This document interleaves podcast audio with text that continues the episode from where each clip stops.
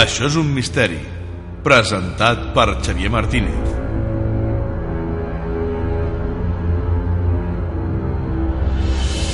Hola, què tal? Benvinguts a una nova edició de l'Això és un misteri, un programa produït des de Ràdio Cunit per la xarxa de comunicació local.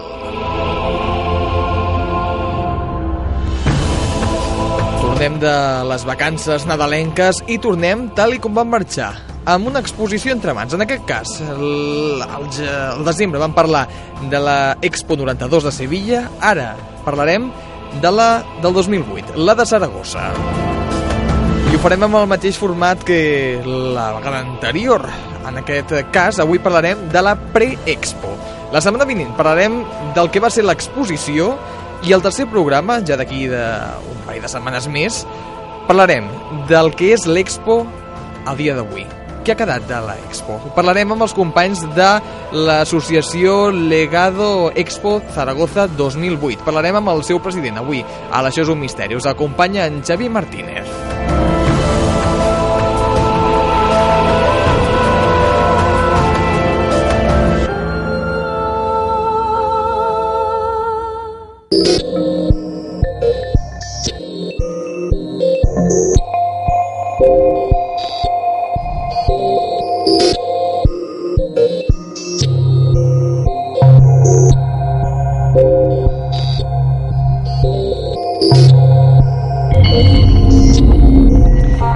Aquí al programa vam parlar fa, abans del Nadal de l'exposició universal internacional de Sevilla del 1992. Ara toca parlar d'un altre que també es va realitzar a l'estat espanyol, en aquest cas el 2008 i més a prop nostre, Saragossa, una Expo Saragossa que just va caure en els inicis de la crisi i potser per aquest motiu no ha prosperat tant el que, com s'esperava, sobretot en el tema post-Expo. Això ho parlarem en les properes setmanes. Avui el que ens centrarem és com anar tota la prèvia de l'Expo de Saragossa d'aquest 2008. Allí s'ha constituït una, una organització, una associació, que és Associació Legado Expo Zaragoza 2008, on es recull i on es vol mantenir tot, eh, tot en ordre, diríem, que, que això prosperi, que no quedin eh, oblidat entre la població.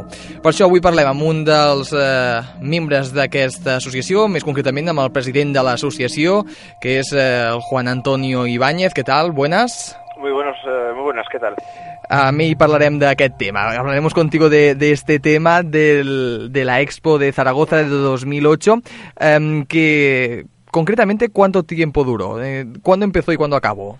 Bueno, la Expo eh, fueron 93 días exactos, desde el eh, 14 de junio, la inauguración fue el día anterior, hasta el 14 de septiembre de 2008. Eso es el periodo de puertas abiertas, de lo que se llama exposición internacional. Eh, pero realmente eh, la Expo se podría decir, entre comillas, y entiéndase que todavía no ha concluido, de la misma forma que el periodo pre-Expo se puede decir que no empezaba ese 14 de junio, sino que nos llevaría hasta mediados de los años 90, cuando ya se empieza a pronunciar, a decir, a, adivinar, a intuir eh, por primera vez eh, en el año 1996 la palabra expo. En la semana que viene, en el programa de la semana que viene, explicaremos un poco cómo fue esta expo durante estos eh, 93 días en Zaragoza, pero hoy nos centramos en la previa. Eh, como decías, esto empezó a sonar en mmm, los 90, fue todo a raíz de la exposición de Sevilla que empezó a venir la idea de hacer otra también en otro punto de España, ¿o cómo fue? No, para nada. Mira, eh, en los años 70 y 80, aquí en Zaragoza, como en muchas otras ciudades de España, se produce un desarrollo urbano eh, brutal. Pues es el periodo 60, 70, 80, aquí en Zaragoza fueron 70, 80, donde la población se centraliza en las grandes capitales y eso significa que eh, al amparo de la gente que viene, o de los que venimos, porque yo tampoco soy de Zaragoza, yo soy uno de los que en aquellos años 80 viene aquí a la ciudad. Uh -huh. eh, pues eh, claro, la ciudad tiene que crecer y lo hace de una forma tan rápida que eh, se convierte en un crecimiento desordenado. Eh, hasta ese momento el río había marcado los límites de lo que era el inicio de la ciudad y de lo que no era ciudad, de tal forma que eh, lo que se llama la margen izquierda únicamente estaba eh, con, un núcleo poblacional que era el arrabal y el picarral, pero ahí ya no había nada más, todo lo demás eran industria todos los demás eran campos. Entonces, en ese momento se empieza, por ejemplo, a gestar un, un orden urbano nuevo eh, que lo que hace es eh, quedar dividido, pero a, a, navaja, ¿eh? una división brutal por ese río Ebro que en vez de unir, lo que hacía era desunir decir que ibas al otro lado de, del río era como, bueno, como si dices que nos vamos a, a, las Islas Baleares, decías, pero es que en medio está el, el río. Bueno, pues en las Baleares se dirías que en medio está el, el Mediterráneo. eh, eso es una cicatriz que queda en los años 70 y 80, se genera un núcleo urbano tremendamente importante que luego se consolida eh, a finales de los 80, de los 90, que todavía, por ejemplo, hay un barrio eh, que se llama Actur, porque eh, son las abreviaciones, es la abreviación de actuación urgente.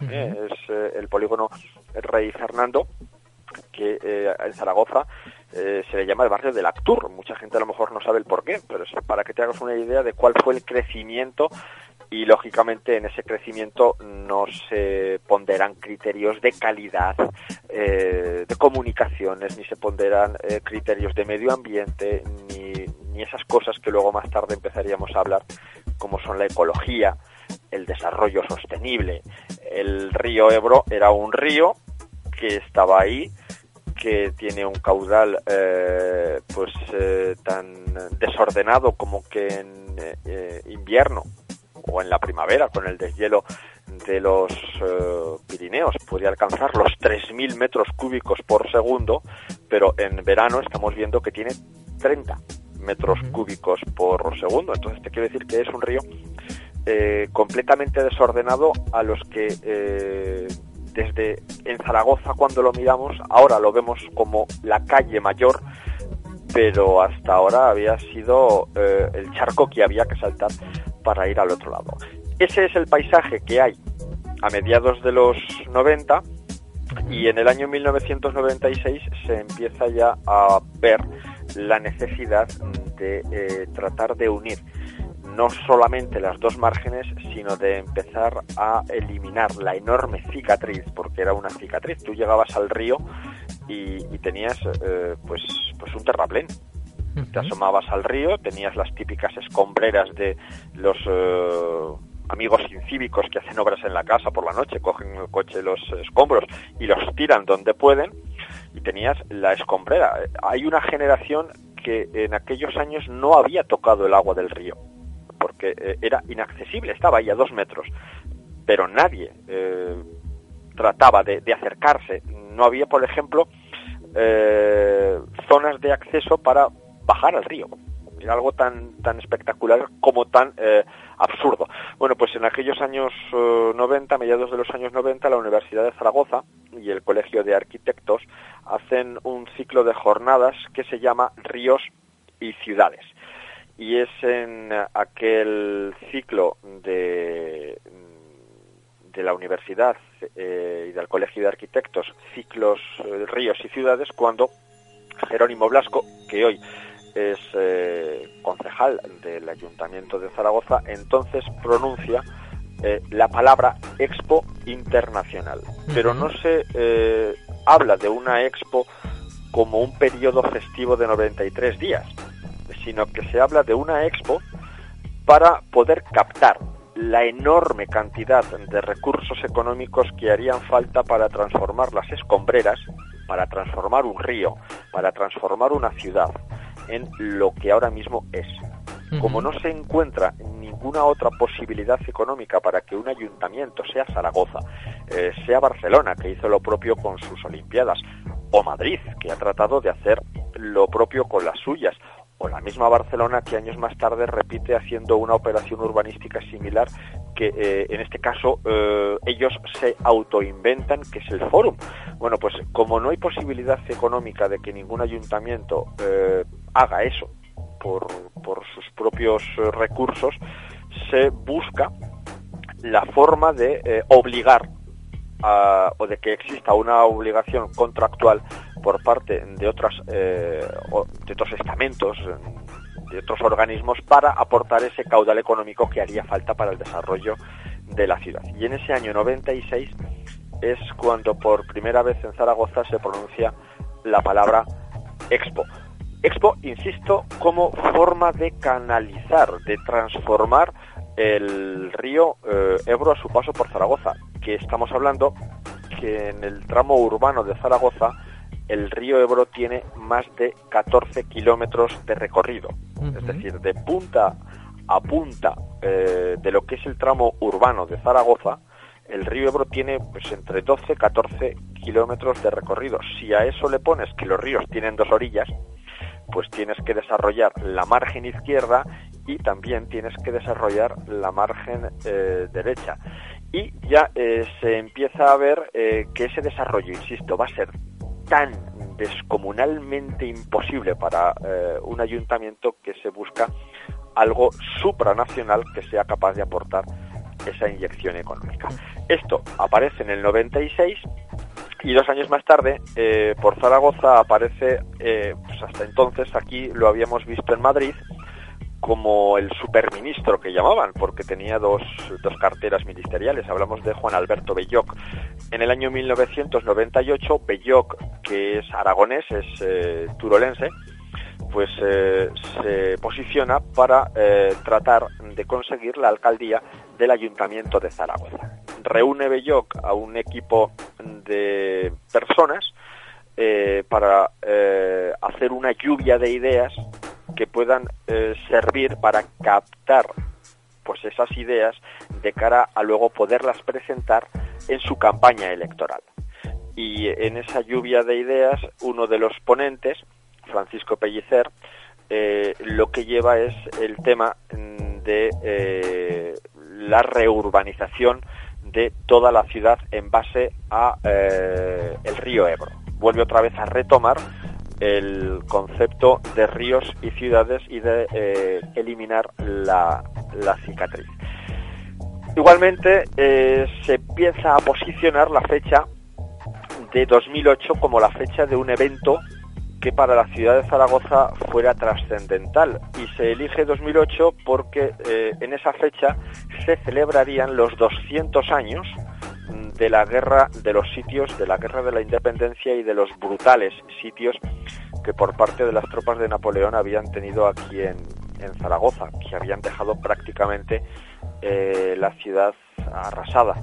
Y eh, además, en esa fecha, en ese 2008, se cumplirían los 100 años de una primera expo que Zaragoza ya había tenido, una expo que celebró eh, el centenario de los sitios y que se realizó en Zaragoza de manera conjunta con Francia. Fue la exposición hispano-francesa de 1908. Así que la fecha no fue eh, un azar. Eh, la idea de hacer una celebración no fue un azar y sobre todo la razón de por la que se buscaba realizar un evento internacional tampoco fue un azar, de la misma forma que tampoco se dejó al azar el concepto de qué hacer eh, para el día después. Esto es un poquito así el, el génesis de cómo llegamos 10 eh, años antes de, de esa fecha de la inauguración, estaríamos en el año 1998, con un candidato porque entonces no fue alcalde, eh, un candidato de York captando lluvia de ideas, retoman el origen de esa idea y se va Belloc a las elecciones municipales mm, del año 1999 con la candidatura de celebrar o de preparar o de tratar de conquistar una expo eh, si gana las elecciones. Este es el origen. lo, que me pregunto ahora es si se podría resumir todo esto en un... ¿Fue más que nada una excusa? A lo mejor la expo. Sí, sí, así, sencillamente. si me pides un resumen, yo te respondo. Sí, a ver, ¿se trataba de buscar una fiesta de 93 días? No. Que el 99% de los españoles piensan que era simplemente hacer una fiesta de 93 días. La respuesta es sí. que mucha gente todavía han pasado cinco años y sigue sin entender esto que te estoy explicando escuetamente. También.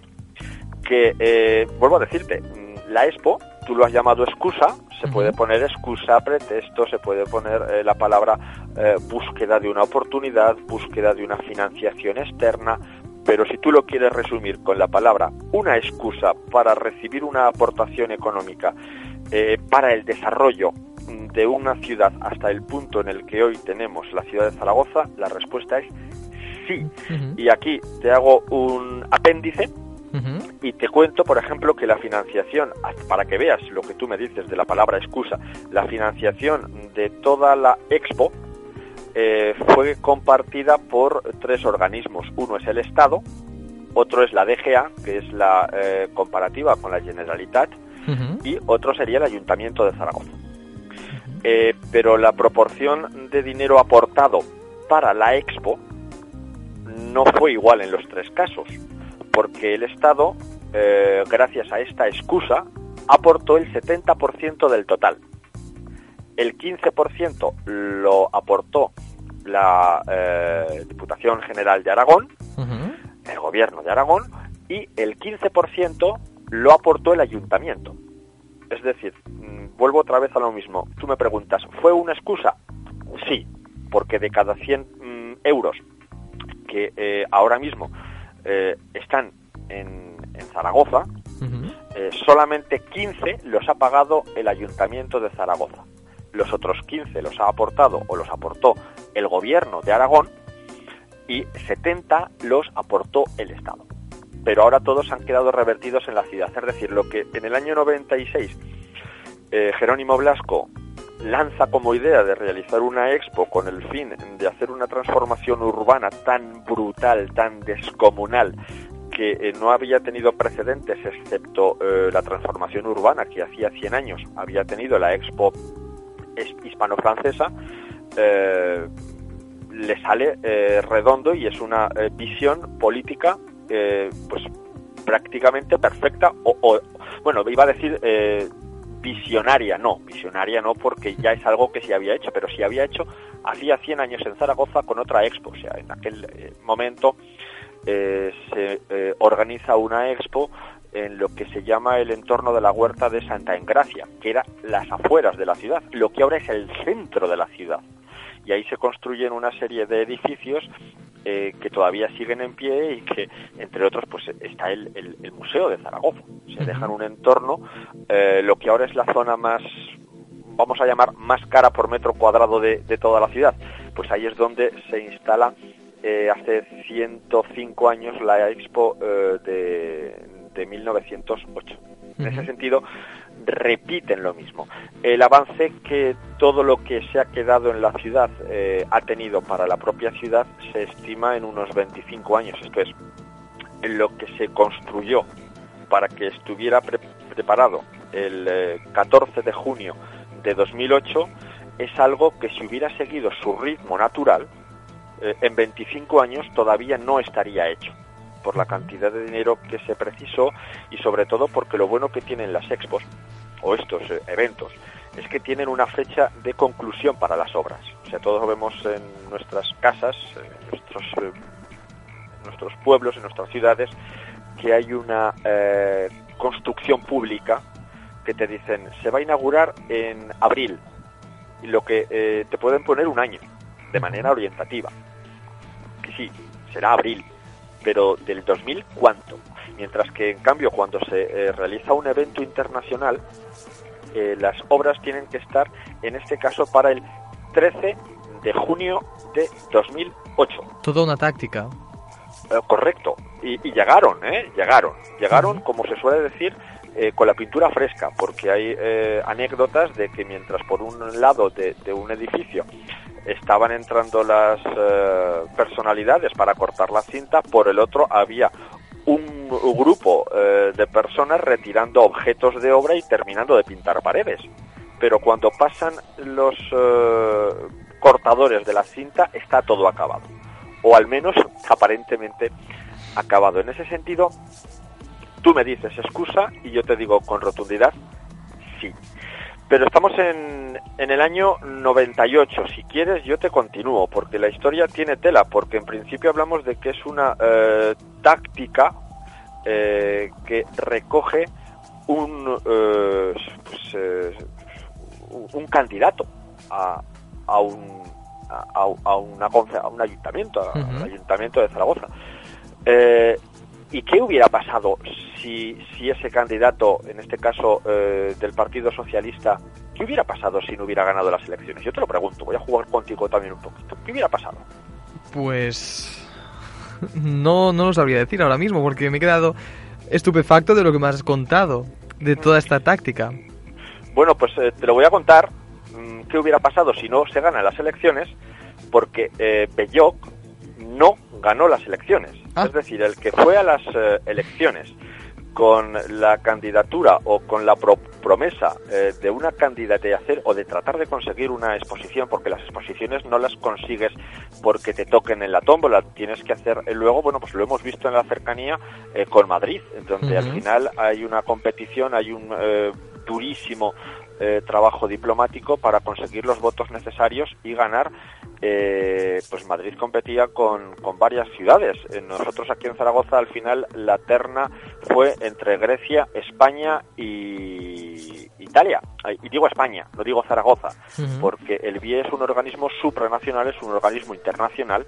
Eh, está su sede central en Madrid, eh, perdón, en París, y cuando el BIE o cuando se presenta al BIE una eh, candidatura para una exposición internacional no lo hace una ciudad, lo hace un país. Y el país es el que designa a una ciudad para que lo celebre. Ese es el, volviendo otra vez, como tú has dicho, eh, el truco. ¿Vale? Eh, porque el que se presenta ante el BIE no es Zaragoza, es España. Si bien Zaragoza ha buscado en el gobierno de España los apoyos para que el gobierno de España ante el BIE eh, le dé eh, el acuerdo o le dé el placet para que eh, represente a España Zaragoza. Entonces, ¿qué es lo que pasa si el que presenta esa oferta, esa propuesta de que va a hacer una expo, si gana las elecciones, qué pasa si no las gana? Y no las ganó, porque se presentó Belloc en el año 1999 a las elecciones municipales y Belloc las pierde y las gana el Partido Popular. Las gana Luisa Fernanda Rudy, que eh, inmediatamente lo que hace es decir no. Ella, eh, como toda la ciudad, tiene eh, prevista la fecha de 2008, pero Rudy pretende hacer algo mucho más institucionalizado, algo mucho más no sé cómo llamarlo, algo más, se tiene que buscar una celebración para los 200 años de los sitios, eh, pero eh, Rudy desecha, precisamente por la idea que todos tenemos de rivalidad política, desecha la opción de hacer una expo, porque era la idea del enemigo político o del otro candidato. Sucede que a los 10 meses de estar eh, Luisa Fernanda Rudy en el Ayuntamiento de Zaragoza como alcaldesa, a Rudy la llaman de Madrid y Rudy, Luisa Fernanda Rudy, se va al Congreso de los Diputados y en su lugar entra eh, José Atares, Pepe Atares, del Partido Popular, que toma la candidatura, o que toma, mejor dicho, la alcaldía de la ciudad de Zaragoza. Es un culebrón. Eh, completamente, pero eh, es un culebrón que al final se convierte en imprescindible para que el proyecto de Expo no sea de un partido político. Porque Pepe Atares, que es del Partido Popular, o era, porque desgraciadamente eh, hace, poquitas semanas y además eh, pues, con el reconocimiento de todos los partidos políticos, incluso del propio BIE, Pepe Atares fallecía muy joven y una de esas terribles enfermedades pues que, se llevó a uno de los de los padres de la Expo. Ya te estoy adelantando porque eh, Pepe Atares lo que hace es retomar el proyecto de Juan Alberto Belloc. Pocas veces se ve que un rival político adopte la idea de el otro partido político la asuma como propia y que la lleve adelante. Con lo cual, eh, en muchas ocasiones, hablando con los eh, protagonistas de toda esta historia, ellos reconocen que si eh, Belloc llega a ganar esas elecciones del 99, la Expo no se hubiera celebrado, porque siempre hubiera sido la Expo del PSOE. Mientras que como luego es Atares del PP el que retoma durante tres años todo el impulso para la creación de esa Expo, ya no se convierte en la Expo de un partido político, sino en la Expo de una sociedad, en la Expo mm, de una eh, de la ciudad.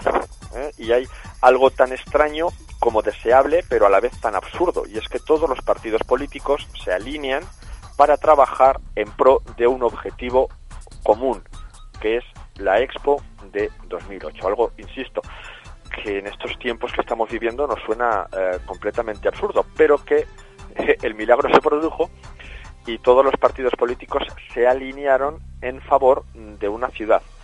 Eh, previamente, en estos ocho o diez meses de eh, olvido completo, porque la idea del Partido Socialista de hacer la Expo no fue la que ganó eh, la ciudadanía se empieza a movilizar y se crea una asociación que se eh, una asociación que se llama Asociación Pro Expo Zaragoza 2008. Entonces, eh, desde el ámbito no político ya se empieza a generar reuniones, comentarios, estudios, alternativas de lo que podría significar una expo. De esta forma, el trabajo nunca se detiene pero si Atares en ese momento no llega a tomar el impulso de la Expo, la Expo jamás se hubiera hecho en Zaragoza. Así es, eh, Atares, junto con Belloc, los que eh, tiran de un carro que si solamente hubiera tenido un asa, pues hubiera sido prácticamente imposible. Estamos hablando de eh, el año 1999, estamos hablando del año 2000 se sigue trabajando de manera conjunta en la candidatura y en el año 2003 hay nuevamente elecciones municipales, se presenta Belloc y en esta ocasión Belloc gana las elecciones y bueno, pues eh, retoma el eh, todo el no sé cómo llamarlo, porque es que eh, no fue el protagonismo, el protagonismo fue compartido. retoma o el abandera eh, desde el Ayuntamiento de Zaragoza y desde ya el Gobierno de España el, impulso Expo. Hay un ejemplo de cómo se trabajó en aquellos años, por ejemplo, en el caso de, eh, del intercambio de poder entre Partido Popular y Partido Socialista de cara al BIE, porque claro, el BIE tiene muchísimas dudas. Eh, ¿qué pasa si gana otro partido político? ¿Se va a seguir con la Expo? ¿O si gana otro partido político vas a enterrar lo que ha hecho el otro y no va a valer y yo me voy a quedar sin hacerlo? Entonces, hay un ejemplo en una eh, presentación que se realiza por aquel año 2003 en París de Expo Zaragoza, en la que, siendo ya aquí en Zaragoza alcalde Belloc, en París, la presentación la realiza eh, siendo alcalde testimonial José Atres. De tal manera que eh, los eh, integrantes del BIE pues mm, no entendían nada, no, no entendían nada, pero en, en favor de la ciudad. No entendía nada porque lo que se ve en política es justamente lo contrario. Entro yo, nada de lo que ha hecho el anterior vale y yo me quedo con lo mío y traigo a mi equipo. Mientras que cuando hay ese intercambio de poderes del Partido Popular al Partido Socialista, se trabaja y se hace el intercambio de carpetas y de carteras con una facilidad y con una tranquilidad que incluso en las reuniones eh, van eh, a Tares y va eh, Belloc. De hecho, cuando eh, Zaragoza consigue en París el 16 de diciembre la Expo, hay una fotografía que estos días pues es la fotografía que, que ha recordado el talante de, de José Atares y es Belloc y Atares fundidos en un abrazo. ¿Vale? Porque la expo no había sido de una de ellos, había sido de los dos. Y en ese momento, eh, bueno, yo no me quiero imaginar eh, un abrazo eh, de Zapatero con Rajoy. me, resultaría complicado, ¿vale? Sobre todo eh, en ese aspecto tan, eh, tan, tan especial en el que sabes que es un abrazo sincero porque los dos han trabajado por algo conjunto. Bueno, pues en aquel momento esa fotografía esa fotografía se dio.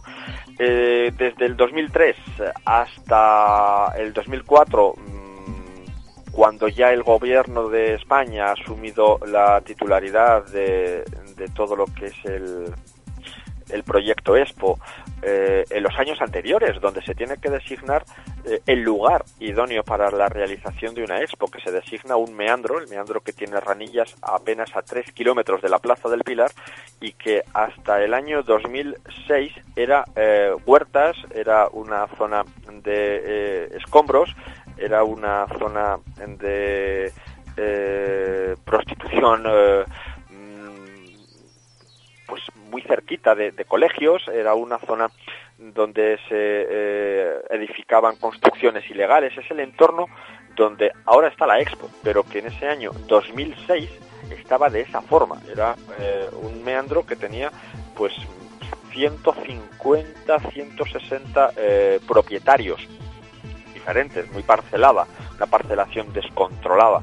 Bueno, pues se designa ese espacio y eh, se empieza a pensar qué es lo que se va a hacer ahí. Se presenta un proyecto, se hace una presentación, una primera presentación en París ante el BIE, eh, francamente catastrófica, catastrófica por parte de Expo Zaragoza, en aquel momento ya se, se llama Expo Zaragoza 2008 eh, y la definitiva la que sería la del 16 de diciembre de 2004, pues simplemente fue espectacular. Y lo que ya fue espectacular, y ahí es donde se ganan las expos, es en el trabajo diplomático que se realiza por parte del gobierno de España. Un trabajo eh, que los diplomáticos que la llevaron a cabo para la captación de votos, porque eh, el día está compuesto por X países y cada país tiene un voto. Y al que le den más es el que gana. Bueno, pues eh, el mismo sistema de designación de unas Olimpiadas, el trabajo diplomático para que, por ejemplo, Nueva Zelanda o Australia eh, te dé el voto a ti y no se lo dé a Trieste, pues es un trabajo diplomático encomiable con la curiosidad, y esto te lo puedo decir porque ha sido pronunciado por el propio Jerónimo Blasco hace eh, pues cinco días aquí en Zaragoza, que eh, el gobierno de España, cuando designa a los, eh, a los diplomáticos, en Petit Comité les dice que bien, que se esfuercen, pero que mm, si no gana Zaragoza, que no pasa nada. Eso es lo que el gobierno les dice a los diplomáticos que tienen que realizar luego las gestiones eh, pues con todo el con todos los países vale que, si no gana Zaragoza que no pasa nada. Eso en el ámbito diplomático todo el mundo sabe lo que le están diciendo pero se encuentran esos diplomáticos que cuando llegan aquí a Zaragoza y ven eh, que el proyecto no es un proyecto político que el proyecto es de una ciudad que el proyecto lleva eh, y es acarreado y empujado y sostenido y alimentado por unas personas que tienen una pasión y una fe ciega en un proyecto eh, que es eh, especial. Esos diplomáticos cuando ven lo que se está preparando aquí y la ilusión con la que se prepara aquí, se quedan enamorados de ese proyecto y entre comillas, digamos que no hacen demasiado caso a las recomendaciones que les están haciendo desde el gobierno de, España. Hasta tal punto que ya nos vamos a esa fecha, nos vamos al 16 de diciembre de 2004, cuando se realiza en París eh, pues un acto eh, de presentación de todas las candidaturas, o al menos de las candidaturas que estaban finalistas para la consecución de la Expo, y eh, el resultado pues es que Zaragoza sale en segunda votación designada, o mejor dicho, España sale en segunda votación designada para la realización de la Expo 2008. Competíamos con Trieste, eh, que es Italia, estamos hablando de Berlusconi, y competíamos con eh, Tesalónica, con Grecia. Grecia eh, todavía mm, nadie entendía el por qué no empujaban de la forma que, que era comprensible que lo pudieran hacer. Ahora, con el tiempo se ha visto que Grecia no había salido demasiado bien económicamente hablando de las Olimpiadas y que tenían ya eh, una crisis que es lo que se ha visto. Entonces ellos se quedaron en cierta forma retraídos. Pero eh, mientras aquí en, España, el gobierno de España estaba aconsejando a los diplomáticos que, bueno, si no se gana no pasa nada, eh, Italia, con Berlusconi, puso a 10 de los mejores diplomáticos para trabajar únicamente en la gestión de conseguir votos para la Expo internacional. Y aún así, eh, aún así la perdieron, ¿vale? Aún así la perdieron. Así que el camino hasta ese 16 de diciembre, cuando ya dicen eh, la Expo de 2008, la ciudad o el país eh, Guanyan, c'est l'Espagne, eh, cuando ya dicen eso, pues eh, el camino no es de un día, sino que en Zaragoza se lleva trabajando ya, pues eh, prácticamente ocho años desde que se pronuncia la palabra Expo. Fueron 57 votos a favor y 37 votos en contra. Eso es, o fueron 57 votos para España y 37 votos para Grecia. Y cuando justamente muchos se piensan que ya se había conseguido las cosas, resulta que llega lo más difícil, porque hasta ahora la Expo había sido un proyecto, un papel y sobre eh, cartulinas y con maquetas construir algo. Pero ahora llega lo más difícil, algo tan, tan, tan, tan difícil que eh, después de la Expo de Zaragoza, el DIE, eh, la oficina de que es la que otorga las expos, rectifica hasta su propia eh, norma. Eh, la Expo Internacional de Zaragoza es una categoría inferior a la Expo Universal de Sevilla. La Expo Internacional de Zaragoza tiene una temática concreta. La de Sevilla eh, puede tener la temática que quiera en general. ¿vale? La Expo de Zaragoza es la Expo Internacional del Agua y Desarrollo Sostenible. Eh, los pabellones los, eh, los construye el país organizador, mientras que en una expo universal cada país construye el pabellón que él quiere. Eso significa que los pabellones de una expo internacional, cuando son construidos por el que luego se los va a quedar, ya los construye con criterios de para lo que luego van a servir, mientras que en una expo universal no. Pero estamos hablando que el 16 de diciembre eh, de 2004 te dicen que te dan una expo. Y a partir de ese momento, porque no puedes hacer nada hasta antes, a partir de ese momento tienes de tiempo eh, cuatro años, no llega, tres años y medio para levantar una ciudad. Te vuelvo a decir que eh, se vio tan, tan, tan, tan, tan imposible prácticamente el, el, hacerlo que para la siguiente expo internacional que se ha realizado en Yosu, el espacio para la construcción de la expo se ha aumentado prácticamente en un año. O sea, es decir, aquí jugaron con, con, con España eh, para probar si era posible levantar una expo. ¿Se llegó?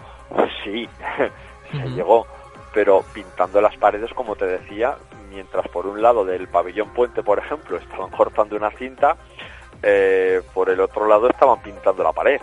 ¿Vale? Es una metáfora, pero el BIE se dio cuenta de que eh, el esfuerzo en tan poco tiempo era prácticamente imposible de llevar a cabo. Y aún así se llegó. El periodo constructivo se centró, aunque la exposición ya te dice en el OK en 2004, estamos hablando de diciembre, tienes que dedicar prácticamente un año para lo que es la licitación de las obras, para lo que es eh, los concursos públicos, porque todo eso se hace con una transparencia que hasta la fecha, se diga lo que se diga, no se ha podido demostrar absolutamente nada de lo que luego se ha dicho de que ha habido... Eh, pues bueno, lo que podemos ver en las obras públicas. Aquí ha habido tal transparencia que nunca se ha podido decir eh, que el Tribunal de Cuentas, cuando alguien ha puesto alguna objeción, ha salido diciendo que no, que todo ha sido transparente y que todo está eh, perfectamente eh, documentado. Bueno, pues se dedica un año prácticamente ante la desesperación de los zaragozanos de ver que no se mueve una pizca de tierra a la licitación de las obras. Y las obras se intensifican desde diciembre, enero de eh, 2005-2006 hasta junio de 2008. Es decir, se levanta eh, todo, se levanta absolutamente todo en apenas dos años. Pero eh, cuando hablamos de se levanta todo, volvemos otra vez a lo que tú me has dicho, el truco. porque el truco no era levantar 25 hectáreas, que es el espacio que tiene el recinto de ranillas. El truco está en algo que se llama plan de acompañamiento. Y es que se designa eh, la necesidad de que eh, el recinto de expo no esté solamente o no sea únicamente lo que se desarrolle en la ciudad, sino que en torno a este eh, recinto expo de 25 hectáreas se incluya un plan de acompañamiento que sea obligatorio para la realización de la expo. ¿Qué entra en ese plan de acompañamientos? Pues entra un plan de riberas insisto, 14 kilómetros por cada uno de los dos lados. Entra eh, una eh, docena de intervenciones artísticas de primer orden eh, que acompañan a ese plan de riberas. Entra toda una transformación urbana. Entra, por ejemplo, la creación en el entorno de la Expo, que son 25 hectáreas, pues se crea un parque, que es el Parque del Agua, que tiene 135 hectáreas, que es el parque urbano más grande de, de toda España se hace en sí también en ese plan de acompañamiento todo lo que es la construcción del recinto con sus edificios eh, emblemáticos de los que hablaremos pues la semana que viene ya cuando hablemos de Expo. Se crea un plan de infraestructuras para dotar de movilidad al recinto y a toda la ciudad. Se crea eh, un cerramiento de los cinturones del tercer cinturón, en este caso de comunicación dentro de la propia ciudad. Y es que a diferencia de otras expos que están en eh, el entorno eh, periurbano de, las ciudades, eh, la de Zaragoza está en, a dos kilómetros de, la Plaza del Pilar, está en el propio centro urbano, no, no está fuera, entonces hay que generar todo lo que es un, cauce de transportes. se modifica, por ejemplo, lo que es la estación intermodal para poder acceder en tren prácticamente hasta el corazón de la Expo se crea, eh, se transforma, se hace un aeropuerto eh, nuevo, porque eh, aquí se solía decir que teníamos una estación de tren como un aeropuerto y un aeropuerto que era como una estación de tren. Un aeropuerto muy cómodo para entrar y salir, pero era prácticamente ridículo, parecía una estación de, de tren y se hace un aeropuerto nuevo. Se crea un sistema de carreteras, se crea un sistema de de bueno pues puentes creo que eh, aprovechando la expo puentes sobre el río Ebro sobre el Huerva que es otro río que también tiene la capital o sobre el canal imperial de Aragón creo que se levantan eh, o sobre el propio eh, Gallego que es también otro otro río creo que se levantan en torno a una docena de, de, puentes que hacen de comunicación entre las entre las dos orillas. Los más míticos o los más espectaculares pues está el puente del tercer milenio, que era un proyecto mm, de los años 90 para unir las dos orillas con el tercer cinturón y que no se había encontrado todavía posibilidad económica de hacerlo. O sobre todo el que se lleva pues eh, todo el eh, nombre porque lo crea Haza Hadid, que es la única mujer arquitecto del mundo que tiene un premio Pritzker, el equivalente a un Nobel de Arquitectura, es el, pabellón puente. Eh, pabellón puente que tiene su historia, porque es un edificio futurista, eh, muy polémico por, eh, el dinero que costó, pero que eh, Hadid, que por cierto es la que va a diseñar el Estadio Olímpico de, Tokio, de, las Olimpiadas, eh, Hadid se lo ofreció a Londres para colocarlo en el Támesis. Y los responsables de, del desarrollo urbanístico de Londres dijeron, este puente es precioso, señora, pero este puente es imposible de construir. Este puente es muy bonito, pero este puente solamente se sostiene sobre el papel. Pues no, el que lo quiera ver está en Zaragoza y es uno de los edificios más hermosos que hay ahora mismo sin duda junto con la Torre del Agua en, la ciudad de Zaragoza es un entorno eh, absolutamente bueno muchas veces vemos en los anuncios sobre todo de los coches vemos a Zaragoza y, y los que no conocéis el entorno de Zaragoza estaréis convencidos que estáis viendo Nueva York o que estáis viendo cualquier lugar, pero es Zaragoza, porque se han rodado más eh, de 50 o de 60 coches en este entorno de, la Expo. Y esto, amigo, es un poquito más o menos, dejándome muchas cosas de por medio, eh, el desarrollo de por qué se crea una expo, de dónde sale y sobre todo lo que más quiero que eh, tus oyentes se, queden hoy con, el tema es que la expo no fue una fiesta de 93 días, no fue un invento que alguien se sacó de la manga para eh, gastarse eh, algo que al día siguiente no iba a valer. Todo, absolutamente todo lo que se preparó para la expo sigue prácticamente en pie. Todo tenía una utilización post-expo, como veremos próximamente, pero he aquí que la casualidad o el destino hacen que, antes te decía que la expo concluía el 14 de septiembre de 2008, ¿verdad? Bueno, pues eh, ¿tú sabes qué día Lehman Brothers declara suspensión de pagos en Estados Unidos? Sí, es que es mala suerte. ¿eh? Bueno, ¿tú sabes cuál es eh, el día en el que oficialmente se declara o el inicio de la crisis económica mundial? Sorpréndeme. Pues el mismo día que Lehman Brothers declara suspensión de pagos. Es decir, mientras aquí estaba en el Palacio de Congresos eh, el rey, el presidente del gobierno de Aragón, el presidente del BIE, eh, el presidente de España, el alcalde, mientras estaban aquí finalizando una exposición internacional, Lehman Brothers a la misma hora en Estados Unidos estaba siendo declarado en quiebra. Con lo cual, eh, la finalización de la expo llega en el mismo instante en el que se declara quiebra por Lehman Brothers es decir, en el mismo momento en el que se inicia la crisis económica mundial. Eso produce un efecto retardante en muchos de los eh, temas eh, que, que, luego se iban a tener que desarrollar.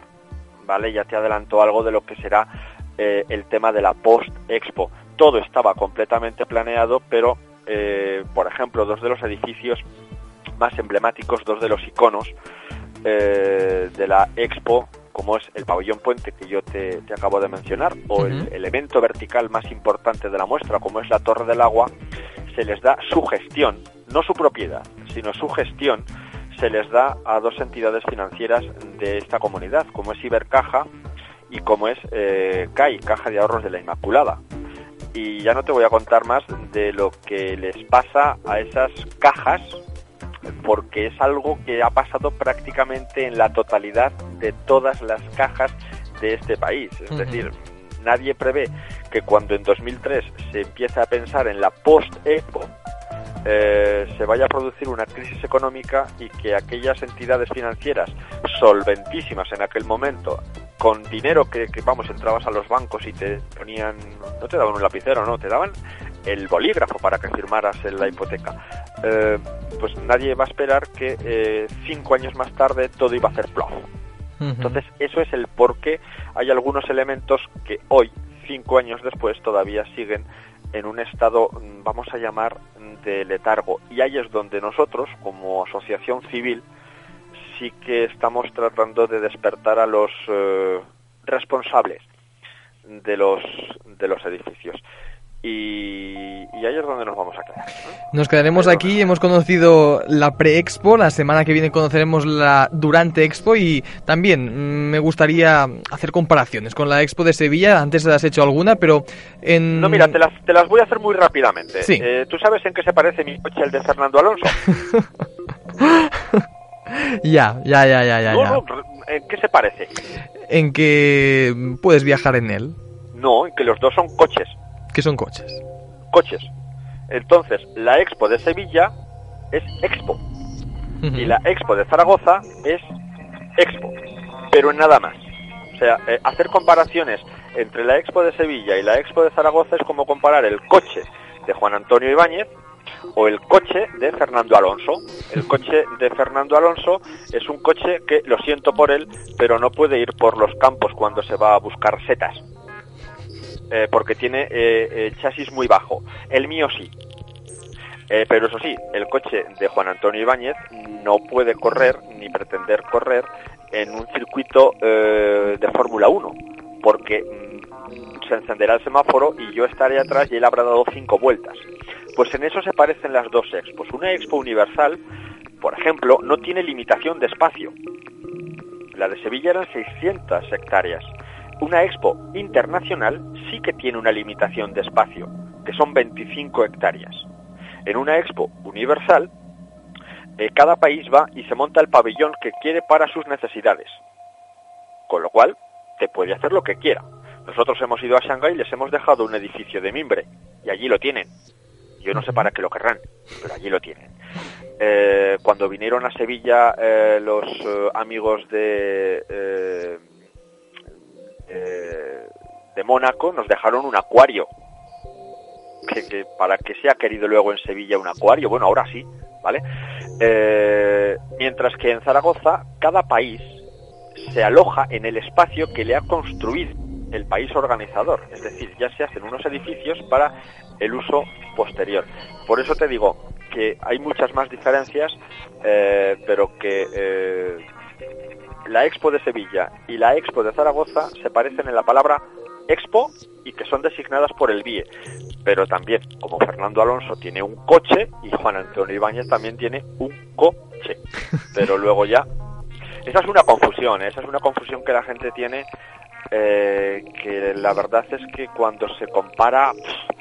Todas las comparaciones son odiosas, pero si a esa comparación odiosa le añadimos la ignorancia, muchas veces ignorancia de ignorante, que no pasa nada, pero cuando es la ignorancia de alguien que sabe lo que dice y aún así dice lo que eh, no es verdad, pues está produciendo equívocos. Y nosotros desde aquí, desde Zaragoza, eh, entendemos que la opinión que se puede tener desde fuera, cuando ven en los medios de comunicación eh, nacional eh, algunas imágenes de la Expo ahora mismo o algunas noticias de la Expo ahora mismo, pues duelen, ¿vale? Duelen. Y te cuento ya para finalizar un detalle. La Mm. Torre del Agua está cerrada. Lleva cerrada desde 2008. Cuando un edificio está cerrado, no tiene mantenimiento. Por lo tanto, si no tiene mantenimiento, no se limpia. Eso es correcto. Entonces, eh, de cara hacia todo el país, hace apenas unas fechas, en eh, Antena 3, aun a pesar de que nosotros les estábamos diciendo lo mismo que yo te he dicho a ti sobre el mantenimiento, ellos eh, emiten a nivel nacional que la limpieza actual de la Torre del Agua cuesta 3 millones de euros. Entonces, mm, llega un momento ya en el que dices, bueno, pues aquí no es que no sepan, sino que lo que quieren es vender otra cosa diferente. Y yo no lo siento por esos medios que dicen lo que no es, sino que lo siento por los eh, muchos ciudadanos que se sientan delante de la televisión y como no tienen opción de conocer otra verdad, se creen lo que les dicen. Yo lo siento por mí porque ahora hay determinados medios de comunicación que ya no me creo, porque de lo que yo sí sé, cuando ellos han hablado han dicho lo que es mentira. Y ahora yo ya cada cosa que escucho en algunas mm, emisoras, en algunos medios, pues me cuestiono si será verdad o no. Por eso cuando tú me invitas a que eh, aquí en, en tu medio se pueda hablar de la expo, yo te digo, como te dije en su momento, pues adelante, adelante. Nosotros no somos DGA, ¿eh? nosotros no somos Diputación General de Aragón, nosotros no somos Expo Zaragoza empresarial, nosotros no somos Ayuntamiento de Zaragoza, aún es más, no tenemos financiación, ni la buscamos, ni la hemos pedido, ni la querremos tener de ninguna de esas entidades, ni de la DGA, ni de eh, el gobierno de Aragón, ni del ayuntamiento, ni de Expo Zaragoza empresarial. De hecho, tú no me has llamado a mi oficina, porque no tenemos oficina. Tú me has llamado a mi teléfono móvil particular. Con esto te quiero decir eh, que nosotros lo que te estamos contando, lo que yo te cuento, no es lo que eh, a mí me digan que tengo que decir, sino lo que yo creo que es verdad. Algo que, bueno, hasta ahora han sido datos, pero que eh, sobre todo en el tercer capítulo, cuando hablemos de la post-expo, pues eh, te apuntaré con el dedito, que tenemos la costumbre de, señalar y de decir las cosas y de poner a cada uno en su sitio. Pues lo dejamos aquí por esta semana. La semana que viene nos contarás un poco cómo fue durante la expo, cómo fue, eh, cómo los ciudadanos de Zaragoza y de toda España vieron cómo se transformó la ciudad y bueno, hablaremos qué tal, qué tal la acogida en general. Juan Antonio Ibáñez, muchas gracias por eh, atendernos a esta llamada y nos vemos de aquí una semana. Pues cuando tú quieras, ya sabes que por aquí estaré para, para lo que necesites. Gracias y hasta luego. Que vaya bien la Hasta luego. semana. Venga, hasta luego. Doncs no hi ha temps per més, acabem aquesta edició de l'Això és un misteri d'aquesta setmana, no ens donem temps per les estrenes, no ens donem temps per les notícies, aquí sí que només ens queda acomiadar-nos fins la setmana que ve, en la que continuarem parlant de la Expo de Saragossa 2008. Us ha acompanyat en Xavier Martínez en aquest programa produït des de Ràdio Cunit per la xarxa de comunicació local. Això és un misteri. Això és un misteri. Això és un misteri.